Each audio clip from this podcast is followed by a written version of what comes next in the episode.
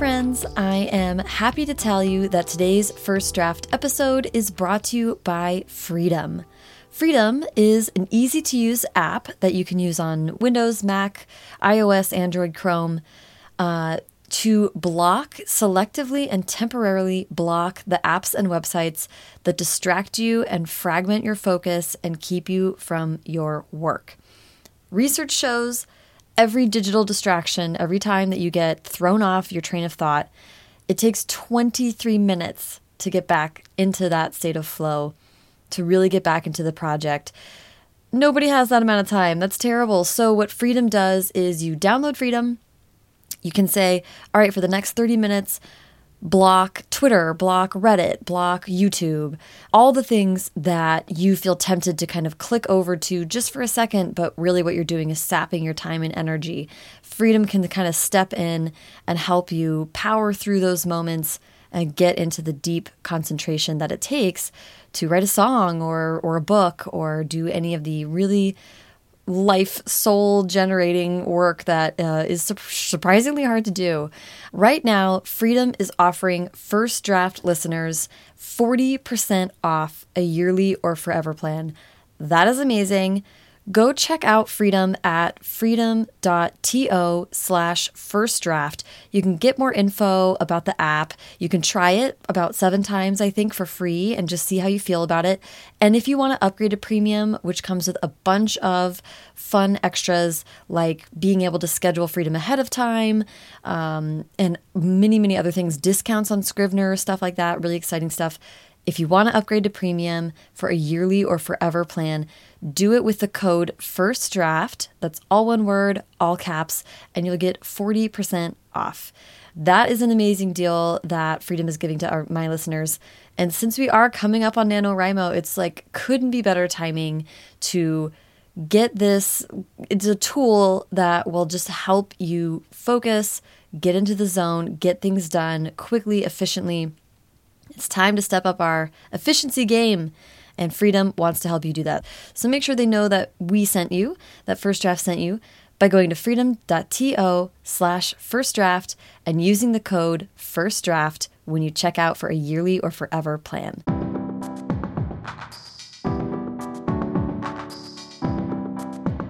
Welcome to First Draft with me, Sarah Enni. This week I'm talking to Mallory Kass, senior editor at Scholastic. Mallory is also known as Kass Morgan, New York Times bestselling author of the 100 series and the Light Years duology. Supernova, the sequel to Light Years, is out now. I loved what Mallory had to say about what inspired her to start writing in addition to her day job, how fan reaction to the 100 TV show impacted her writing and her life, and what publishing books has taught her about the importance of positive feedback. So please sit back, relax, and enjoy the conversation. In my podcast, I like to start at the very beginning, which is where were you born and raised? I guess I was literally born in Manhattan, but I grew up in Brooklyn, so someone must have taken me across the river shortly afterwards. I lived in New York till I was 10 and then moved to LA and spent a few years in Rhode Island and England and then came back to New York to work in publishing. Okay you went to school in Rhode Island and yes. England, right? Yeah. Okay. Well, I want to get to that, but first, I want to talk about how reading and writing was a part of your life growing up. I don't remember a time when I wasn't a reader and a writer. My dad's a writer. He's mm. a playwright and writes for film and TV. So I think the written word and sort of oral storytelling was always a big part of my life. Like, my family doesn't just do small talk. We sort of weave tall tales and tell funny anecdotes that change with each telling. And that was never really an issue. Like, my brother and I always knew the spirit of the story my dad would tell us would be true. So that's something I think I've learned from him. I sort of tell the version of the story I think is going to be the most entertaining, which drives my friends crazy, especially if they were there when the original event happened. But for the sake of this podcast, I am going to stick to the truth, the whole truth, and nothing but the truth. I love that you were like raised to have a bit of a loose relationship with with reality. yeah, I I have this tendency to sort of edit stories as I go and sort mm-hmm. of punch up anecdotes, and I don't see it as a lie. I see it as like respectful to the person's time that I'm talking to. I'm like, they don't want to hear this. That's fair. Yeah. So it sounds like you moved from New York to LA for your dad's career. What was it like to have a, a parent that was a professional storyteller? I think it's like any kid. You don't really know whether your child is like other people's or not. So I don't know anything else, but it's certainly was fun and endlessly entertaining and turned me into a writer. So I'm very grateful for that. Yeah. Did you ever watch his shows while they were on? Yeah. So when I was little, growing up in New York, he was a playwright, and some of my earliest memories are going to his off Broadway plays. Um, that I guess in retrospect weren't totally appropriate for elementary school viewers, but I think that totally shaped who I was and sort of you know, how I felt about language and rhythms and communication. Um, and then when I was a little older, yeah, he um, he wrote for Seinfeld, which is why we moved from New York to LA. Wow. So I definitely watched that, probably a little younger again than I should have, right, but right. I am grateful for that. how did you like LA after being in New York? Do you remember how that transition was for you? Yeah, I remember it very well. I went to a school in Brooklyn that was really arty and unconventional. Uh, we took puppetry class and had modern dance. And I just wasn't exposed to pop culture. Oh, wow. And I didn't really know that there were clothes that were in style or out of style or music that was current. I'd never really listened to the radio. It makes it sound like I'm Amish, but growing up in New York in the early 90s you couldn't keep a radio in your car mm-hmm. because it would get broken into your windows would get smashed mm-hmm. so i never had the experience of listening to the radio driving around which i think is how most kids are introduced to pop music so then i moved to la and it was yeah, I guess it was a little bit like the Brooklyn Hillbillies or like almost like a homeschooled kid going to a regular school for the first time. I had never heard of Paula Abdul and Janet Jackson or Crop Top, so wow. it was a steep learning curve for me. That's fascinating. And also, for some reason, that's making me like think of sci-fi stories or like a sudden introduction of like a glut of information feels like I don't know. Yeah, no, it was like going to a different world, like a yeah. different planet. Los Angeles in 1995. Yeah, right. The setting for Clueless. Uh, yeah, and the it, visual. yeah, it didn't take me very long. You know, I show up in my like baggy jeans and strange striped button down shirts. And, you know, eight months later, I'm wearing furry vests and knee socks and. Perfect. Yeah. I loved it. Um, that's so interesting. And, and I think moving at that age, like, moving at that age is something that I've encountered a lot in interviewing people that write that age because I think it cements a lot of memories uh, when you have to make full on identity adjustments. Yeah you become really aware of how you present and what parts of yourself to share with other people and what to withhold. And I think everyone that age goes through that, but when you're the new kid. I know, it's isn't it funny looking back to like God, I was so terrified of being the new kid and never once did I think about how like new kids sometimes have like a power. Yeah, you could have showed up at school with a French accent and no one would have known it was fake. Ugh and, and then keeping it up for, yes, for years. that would have been amazing. Um, as a kid, was writing a part of your life as well?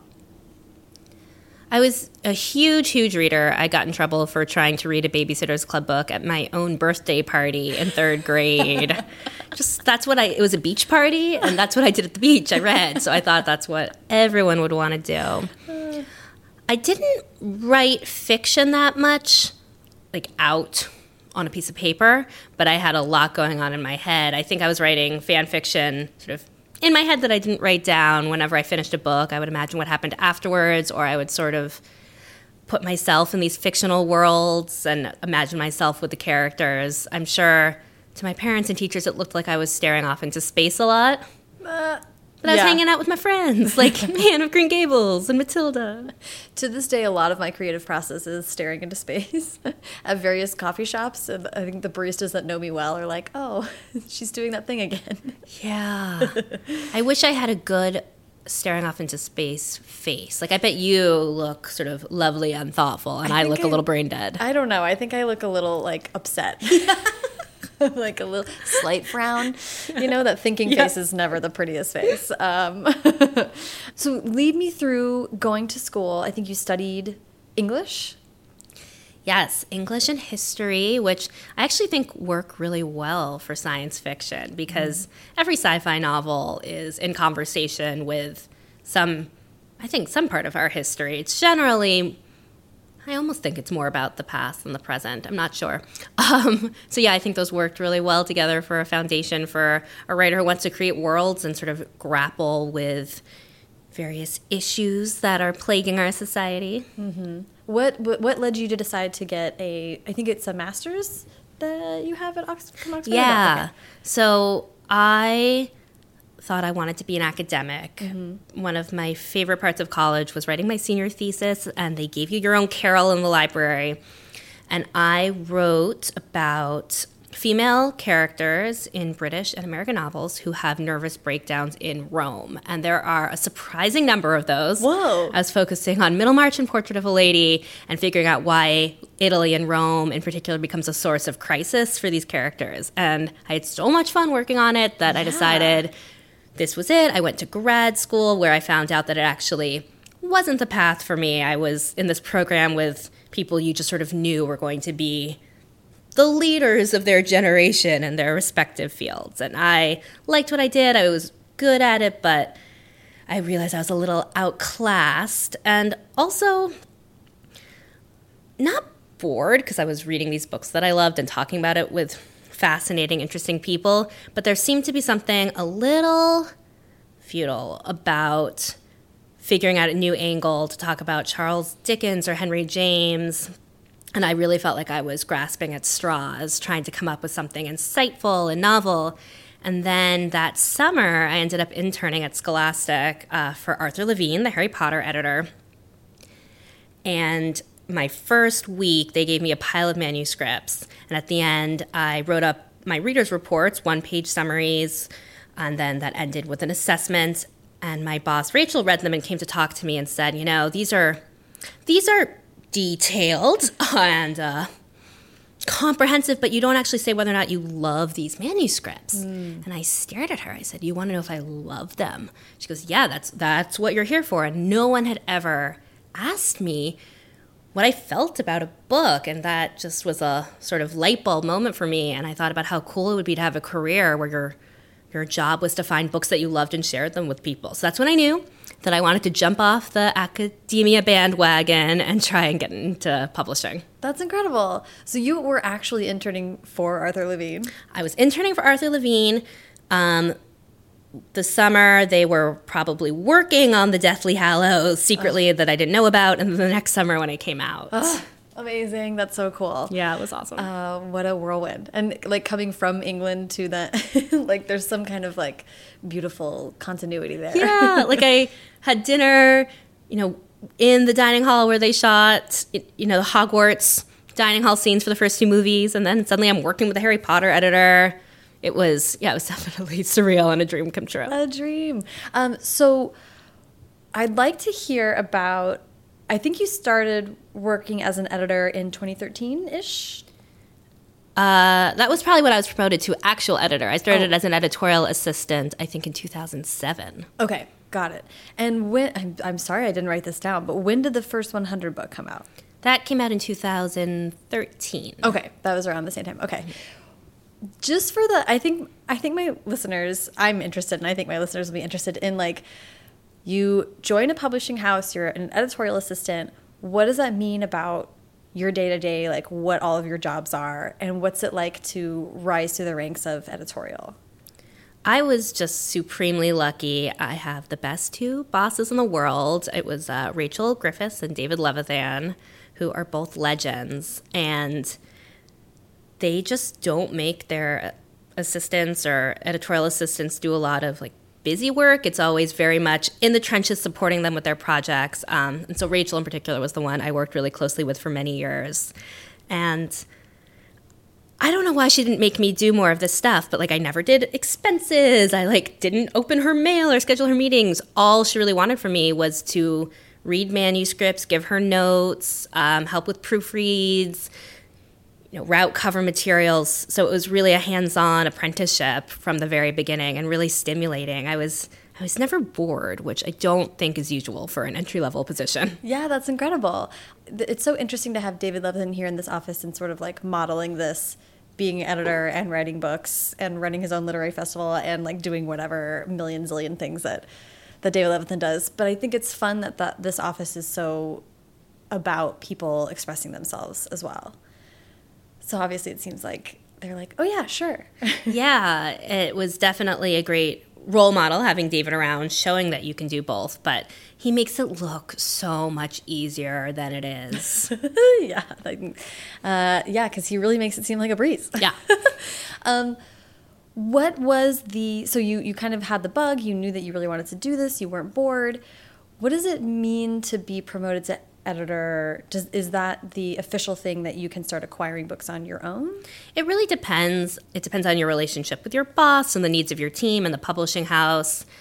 Scholastic i don't really think we have an official policy about when people can start acquiring. So i was just so lucky. Rachel was really supportive. And i think the day I was promoted to assistant editor, she sat me down and said, All right, now you have to start making connections with agents here's a list of people to cold call. Mm. And I'm just young enough that I have a little bit of the phone fear that the previous generation doesn't have, but I'm still much, much older than the people who can't look at a phone without like bursting into tears. the idea of cold calling these agents was so terrifying.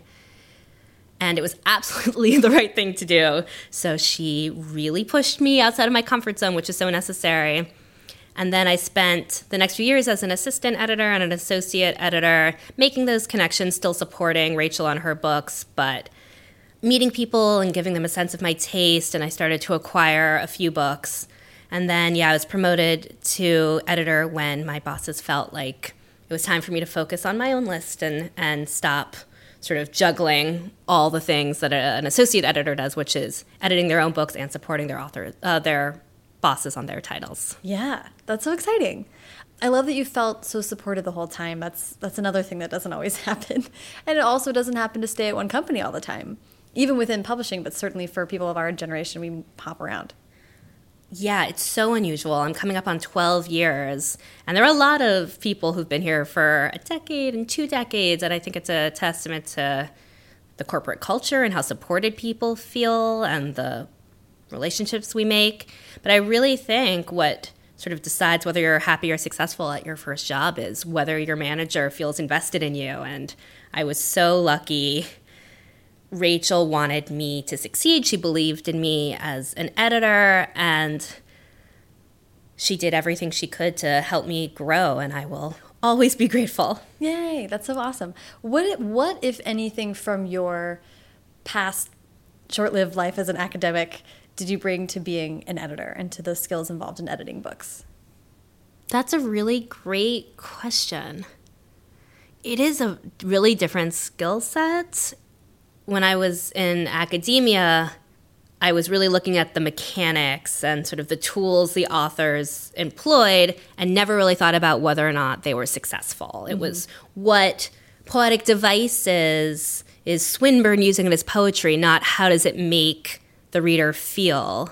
And so much about being an editor is putting yourself in the mind of that reader, whether it's the middle grade reader or the YA reader or whoever, and thinking, how are they going to feel about this? Are they going to be excited? Are they going to be bored? Are they going to feel invested in the emotional stakes? So it's something you really, I don't think you can learn it until you start doing it. I think every reader has these skills, mm-hmm. and part of being an editor is having a really specific vocabulary for identifying what you're feeling at a given moment in the reading process. It's almost like one of those advanced yogis who I don't even know if this is true, but I read once that you get to a level where you can sort of feel all your metabolic processes and you're aware of your breath and your heartbeat and your like liver function. And I sort of feel being an editor is like that. I'm reading and I'm trying to lose myself in the reading experience with one half of my brain, and with the other half of my brain, I'm being hyper, hyper focused on how I'm reacting to each line, each chapter, each plot twist. Yeah. Oh, I love that. I, I've heard that too, specifically about the liver. Yeah. Okay. So I didn't make that Yes. up. Okay. Or else we read the same article and were impacted in a similar way by it. Have you ever? This is what this is a, a very silly question, but have you ever had a book come across your desk that involves someone having a breakdown in Rome? it seems like that should. I, I- urge readers to send you manuscripts involving that. That would be so fun. I don't think I have yet. Manuscript great. wish list. I'm gonna put it out in the, in the world now. Um, so funny. I love that you're kind of you are you're feeling invested in this job. You are like moving up the ranks. What is it that leads you to think, okay, now it's time to take a crack at this myself? So I had never really stopped writing. Um, you know, I started writing fiction in middle school and high school, and by the time I was, you know, an associate editor at Scholastic, I probably had 40 documents on my computer that were starts to novels that I never finished. I sometimes never got beyond the second page. I think the most I ever wrote was probably 20 pages. And it got harder and harder the longer I worked in publishing. And part of that is a time issue. Uh, being an editorial assistant and assistant editor is not a nine to five job. No job in publishing is a nine to five job. but part of it was that the better I became at my job, which was to be incredibly picky and to identify problems in a manuscript right away, the harder it became to write. And it got to the point where, you know, editors receive hundreds and hundreds of submissions a year, uh, sometimes more than that. And we train ourselves to know within the first 10, 20 pages whether we love something. And we generally know, even in the first few pages, whether we're connecting with the voice. And then I couldn't turn off that sensor when I started to write. I would write a page, read it to myself, and think if this came to me from an agent on submission, I would reject it right away. Ah. And I, I knew that that wasn't a good process, but I just couldn't get past it. And I think, in retrospect, I didn't realize that I wasn't reading first drafts Right. even my authors, ones I had worked with for years, when they sent me a new book and it would be called First Draft, their agent had read it. It had been beta read by their critique group. And so I was Even when they write it and then revise on their own. You know what I mean? Like every step helps. Yeah, so it, it became uh, really, really, it was tough. How long did it take you to realize that you were lacking that like shift?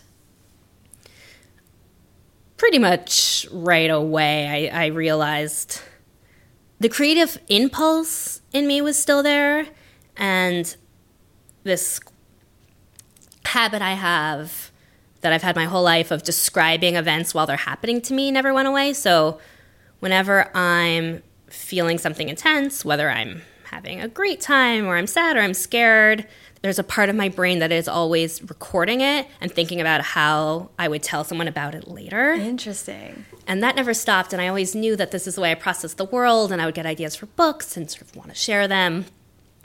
But yeah, I think when I was, by the time I got to be an associate editor, and I had probably read and rejected at that point, you know, 2,000 manuscripts, I couldn't turn that part of my brain off when it was time to work on my own stuff. Yeah. What was it that led to a change? What allowed you to move forward with with what became the 100? So I was talking to my friend and colleague Cheryl Klein, who is brilliant editor and is really, really great at helping writers overcome obstacles. And I was telling her about that problem, and she suggested that I get in touch with Alloy. It's a mm-hmm. book packager, and at the time they were best known for Gossip Girl and Vampire Diaries. And she thought that my voice would work for sort of the poppy teen fiction they were doing at the time. So she gave me the email of someone there, and I reached out, and they very kindly let me actually audition for for a, a book they were working on. So I sampled for it. I didn't get it, And then a few weeks later, I got an email from my editor, Joelle, about a new project that we're working on called The Hundred. Okay. And sampled, just for people who might not be familiar, means they give you kind of the broad concept and you write a first couple pages or?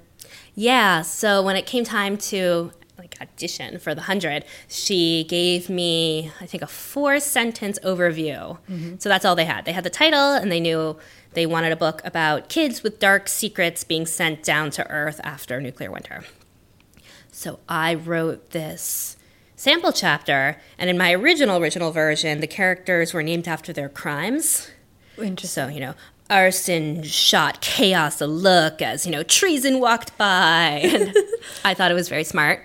They thought it was creative and very strange.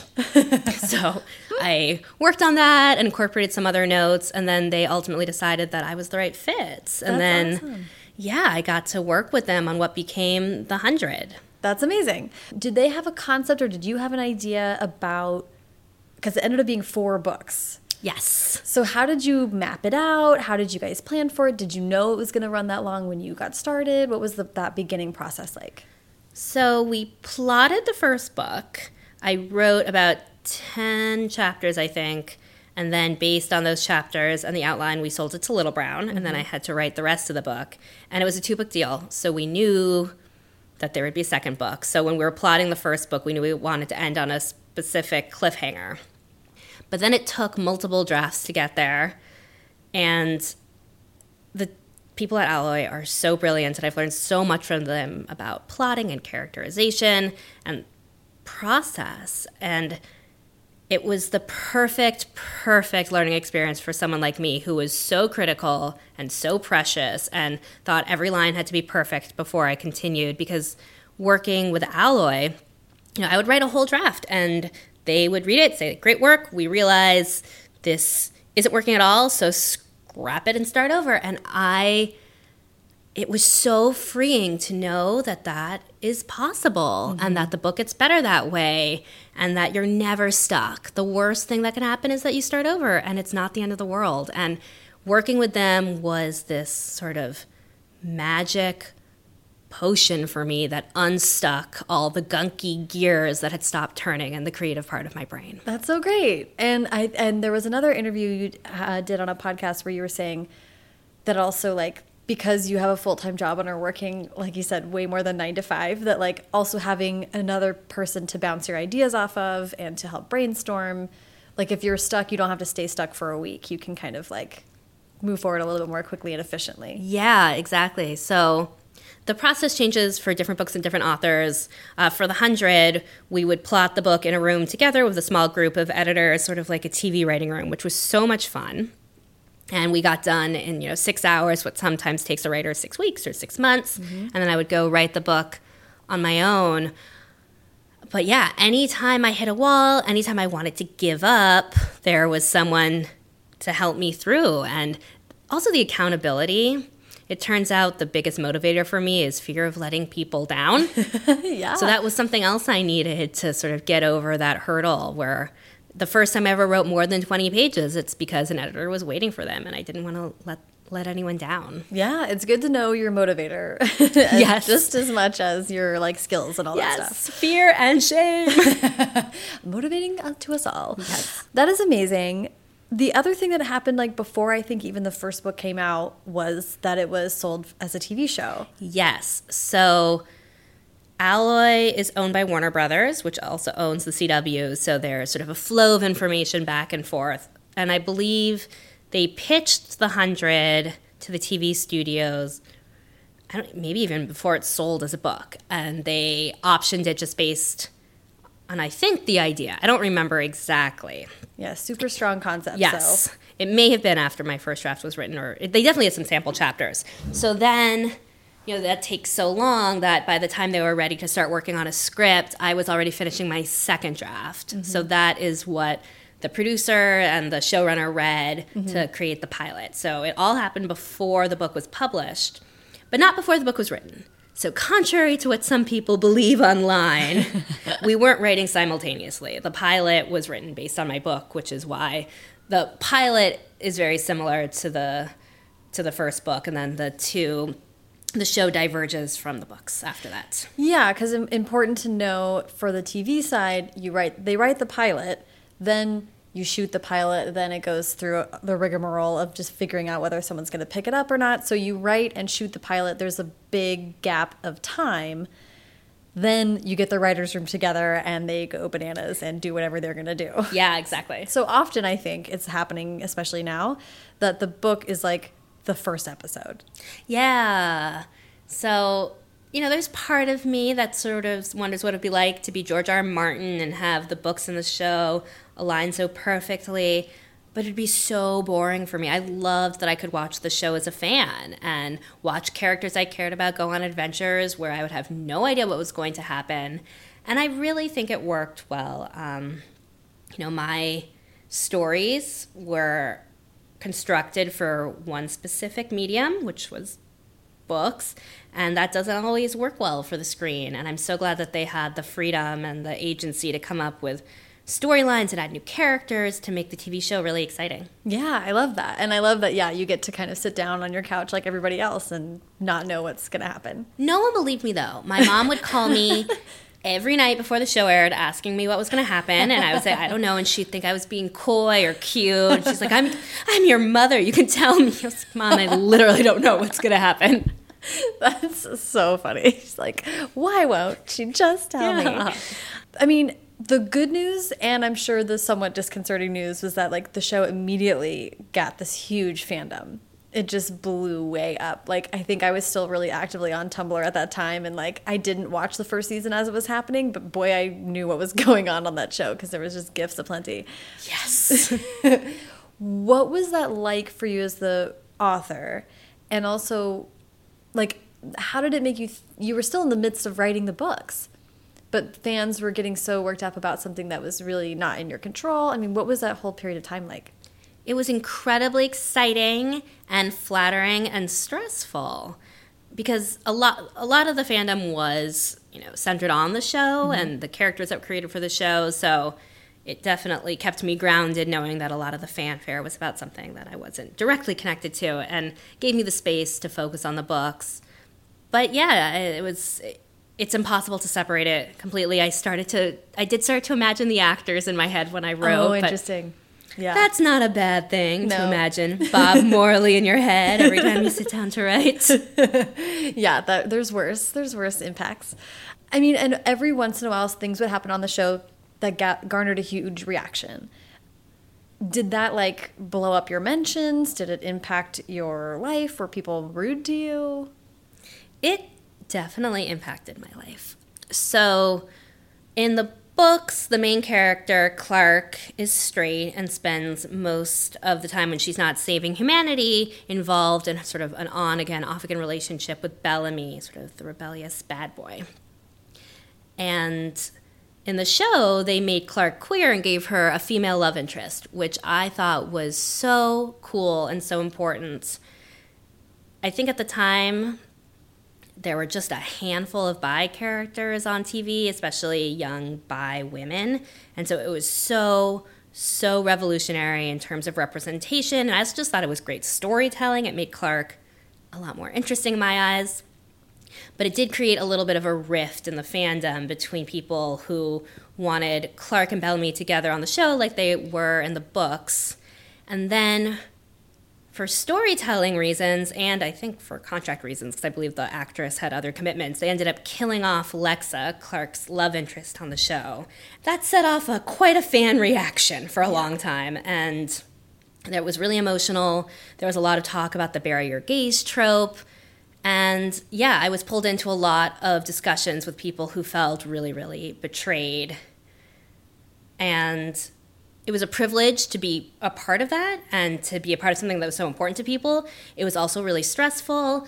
And I think some people obviously didn't understand the process from the book to the show. They assumed Lexa was in the books and that I created her and I had killed her off in the book, so it was my fault. So I tried to do a lot of explaining at 140 characters. That didn't always go well. Right, right, right. I mean, it's a really unique and strange and very modern position to be put in as an author who's like, ah, I'm doing something over here that's truly different. I just, uh, I felt for you in the Twitter sphere because as I was going down, so many important conversations, so much like truly good critical thought about how we deal with queer stories on TV. But I was also like, I know Kass like didn't have anything to do with that decision. Um, so it's kind of a, an unusual position to be put in. And the one comment that hurt, you know, I tried to sort of duck out of it like a sort of oily politician. I would say, I have nothing to do with this. I write the books. I have nothing to do with the show. You know, don't send me death threats on Twitter. And then uh, one girl tweeted, it was you who made her straight in the books and wrote this heteronormative shit, so it is your fault. And I did not appreciate her choice of words, but I think there was some truth to it. I had four main characters in the first hundred book who were straight, and that is not is not representative of my experience as a person living in New York. Mm-hmm. If you put me in a room with four of my friends, it is unlikely that all of them would be straight. And I think it was a missed opportunity, and I'm I'm glad that that was brought to my attention.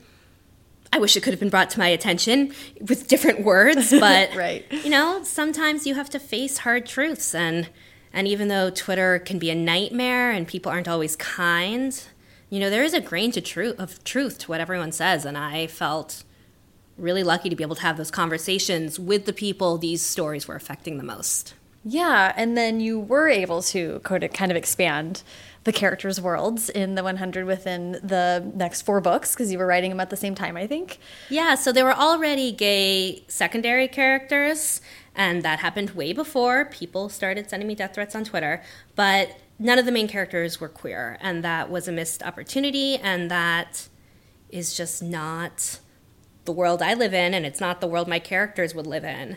So that is something I fixed and I gave one of my main characters, Octavia, a girlfriend in the fourth book, Rebellion, and that was super fun.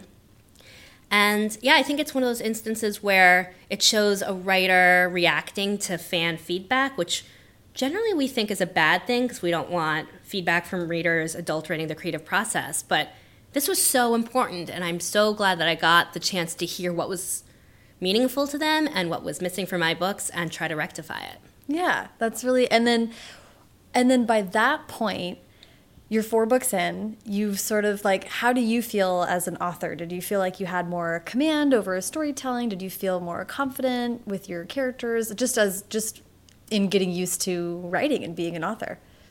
I don't think it ever gets easier. I don't think I have more confidence in my writing than I did. I think I have more confidence in the process. And I just know I always, always love my first drafts up until about chapter six, and then I hate them, and then I really hate the second draft, and then the third draft starts to get a little better. And it's not until the fourth draft that I start to fall back in love with the story. Wow. And I guess I've never run a marathon, but I imagine it's similar where you just know you always hit your wall at mile 17 but you know you've done it so many times that you can keep going and you will not, you know, fall down. You're not going to collapse. You just right. have to keep going. So I think I've gained confidence in the process, if not in my own abilities. More my stamina. I have a lot of stamina now. Yeah, yeah, that's a, that's is something that you kind of you need to flex that muscle, and I think that's a good way to think about it. Confidence in the process.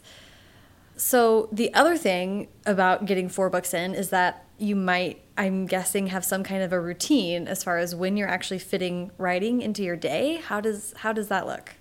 Huh. uh, I'm a terrible procrastinator, and I write it off as just saying like, no, I just have a really demanding day job, but. I do have a demanding day job, but that doesn't mean I can't ever write when I'm on deadline. So I generally work on the first chapter for about two and a half months because I still haven't learned my lesson. and then I look at the calendar, realize I am three weeks away, and I go into full on deadline panic mode where I just start churning it out. So I write before work and after work, and obviously all weekend and on the subway. Places I have written include the car at a friend's wedding in the parking lot. I snuck away. I have written in restaurant lobbies while I was waiting for a table for like business meetings. I just would excuse myself to go sit for 10 minutes and write. Wow. Um, I obviously have written on planes and trains and in friends' houses and in friends' bathrooms at parties when I start to panic and realize I just need a few minutes. Well, I mean, that is admirable that you are like, even 10 minutes will help. Anything moves you closer to the deadline. exactly, yeah. Let's talk about light years. Do you mind, before we get into it, uh, pitching that series for us? Not at all. So, Light Years takes place in a completely different galaxy from ours, and it's at an elite military boarding school in space that, for a long time, was only open to students from the richest planet in the solar system. But when the book takes place, it's the first year that students from all four planets can attend. And so it's about class conflict and sort of dismantling power structures. But of course, there's plenty of time for them to get into trouble, make out in the zero gravity room. That's my favorite scene. and I had a lot of fun writing it. It was definitely inspired by Ender's Game, which mm-hmm. was one of my favorite books growing up. I love the idea of a military school in space with these child prodigies, but I took issue with a few elements of Ender's Game. One, they wore uniforms and the clothes were awful. so I wanted my kids to have freedom to have fun parties and dress up. And of course, the elephant in the room is that Orson Scott Card turned out to be a raging, hateful, bigoted homophobe. Mm-hmm. So it was really, really important to me that light years be really diverse, especially in terms of sexuality, and sort of reclaim the space school genre for everyone and show that uh, doesn't matter who you love, you can still thrive at a military boarding school in space. Yes, I love that. It kind of reminds me too of Zenon Girl of the 21st Century. Yes, oh which is one of my favorite things. It was pivotal for a lot of us. A lot of us carry that show around with us. I have a brand new pitch. I really appreciate that. Now I don't have to So- mention Ender's Game at all. Yeah, It's right. Zenon. Zenon for a new generation, which I think it, she did a lot for our, for our generation of being like, well, what if you were up in space as a teen and it was cool and you were just still dealing with cafeterias? exactly. Yeah. What was so when when the 100 came to a close and that series kind of wrapped up? What made you want to continue? Did you know you wanted to continue writing? What made you know that you wanted to continue writing, working with Alloy? Like, what was the process like of moving on to a new series? I definitely knew I wanted to keep working with Alloy. I think they are geniuses. I've worked with a number of editors there over the years, and they are all not only are they brilliant storytellers, they're also just very good people and good at supporting writers. So they have all talked to me and emailed me through many a crisis and have made me a more confident writer and more confident person, I think. They're just the loveliest. So I knew I wanted to keep that partnership going. Um, but it took a while to land on the right project. I spent a year working on something very different that ended up not panning out, which was in some ways terrible, in some ways wonderful, because I think every misstep makes you realize that nothing is as big of a setback as you think it is. So it's like, all right, it sucked that I worked on this for so long, but now I know it's not the end of the world. And it brought me to Light Years, which was absolutely the right next project. And I had so much fun writing it. It took me a little while to come up with the setting. I mean, we knew it was going to be this military school in space, but it always felt a little sterile in my earlier drafts.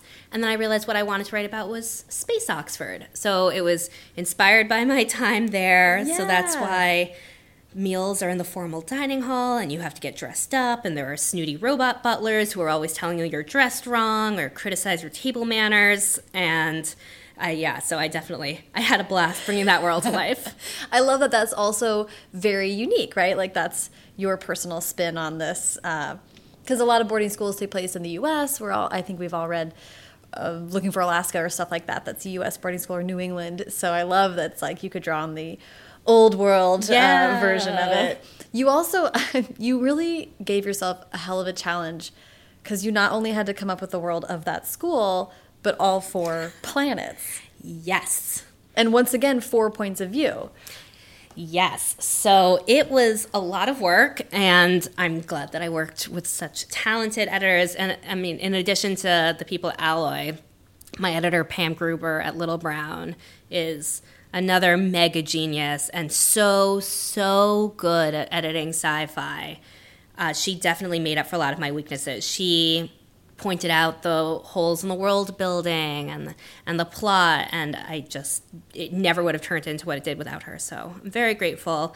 But yeah a lot of Pam's early notes were about um, she said that the school felt very real but that the kids home planets and so the political system felt really undercooked.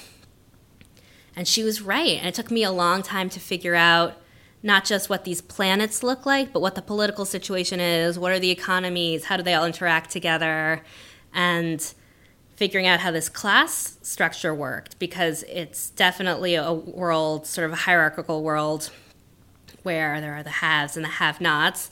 And that is really interesting to write about. It's also really complicated and potentially dangerous. You don't want to oversimplify the forces that make our world such a complicated and difficult place to live in. So it's a lot of responsibility. I, I hope I got there. It's up it's up to readers to decide. Yeah, right. But it's very uh, there was just a question that was asked.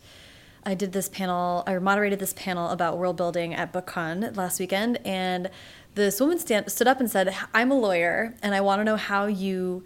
She was like, "Right when I think about starting to build a world, I get so lost in like." Shipping structures and the legal system. Yeah. And she was like, How do you keep yourself from going too far down the rabbit hole? And kind of the answer was like, Go down the rabbit hole? Like, like, and at some point you have to pull yourself back, but you do need to know some of that stuff in order to, like, the reader doesn't need to necessarily know it, but you should have some sense of a lot of it. So it was interesting to see like N.K. Jemisin be like, well, I give myself two months to world build and then I go as deep as I want.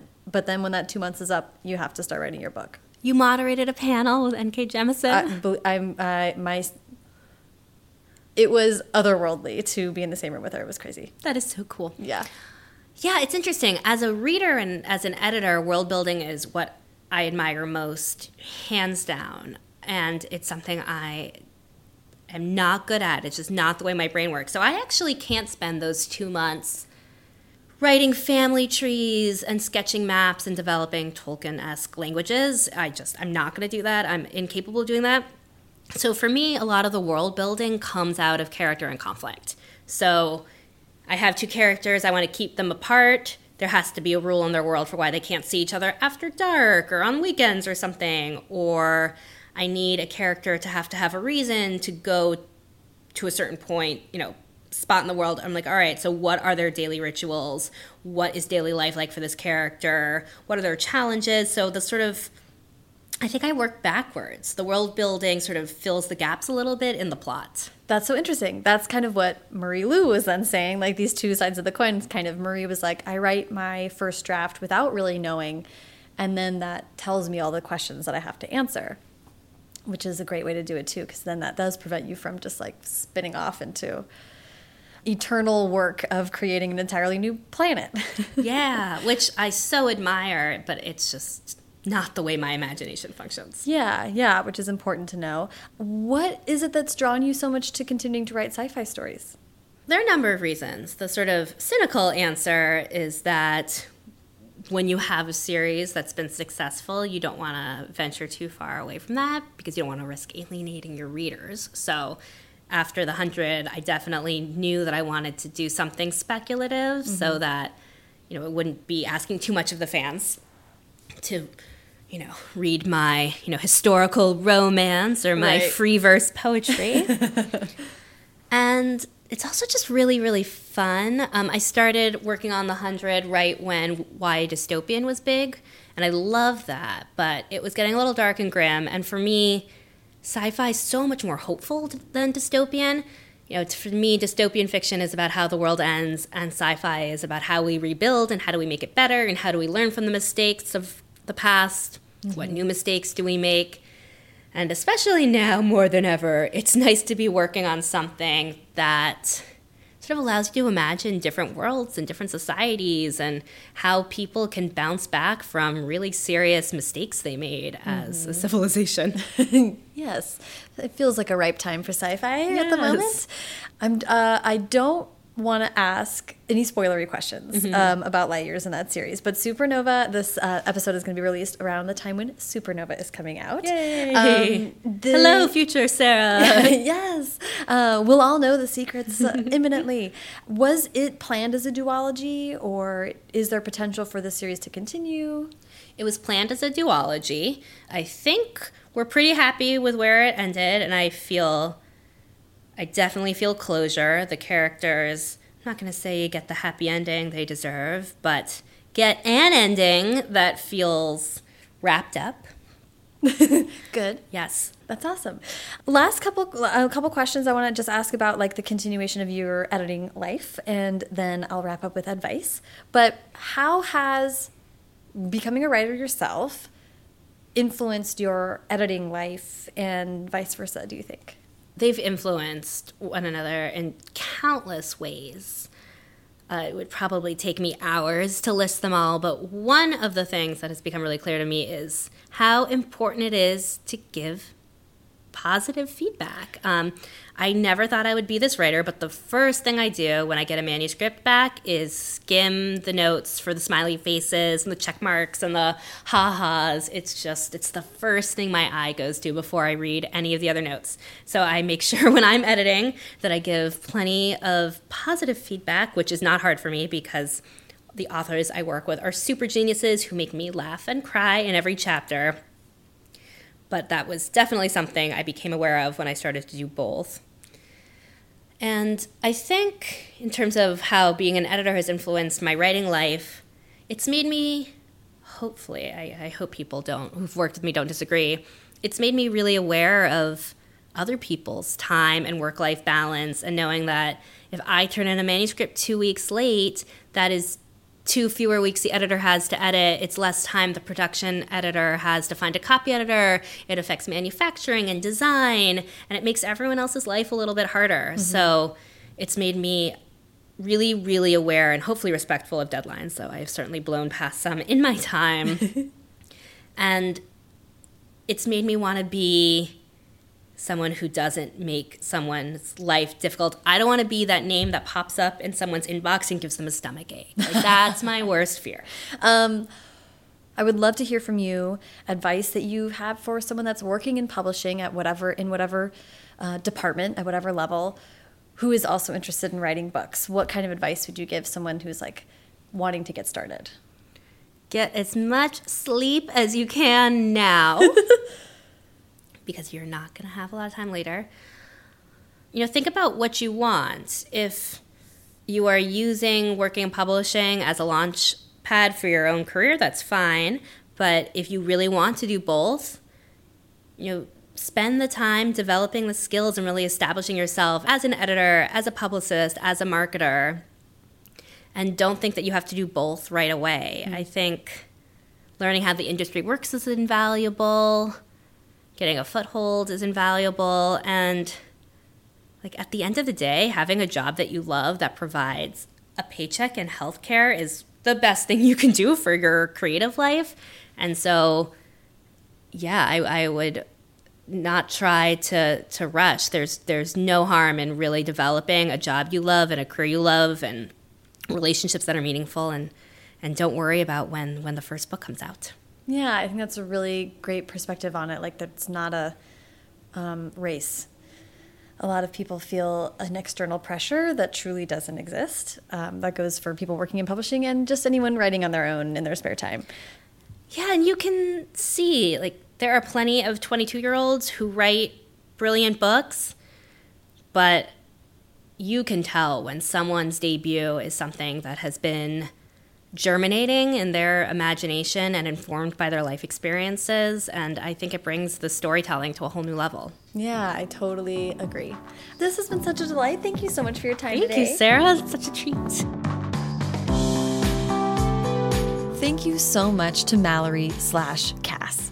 Follow her on Twitter and Instagram at Kass Morgan Books, and follow me on both at Sarah Enni and the show at First Draft Pod. For links to everything that was talked about in this episode, check out the show notes, which are available at firstdraftpod.com.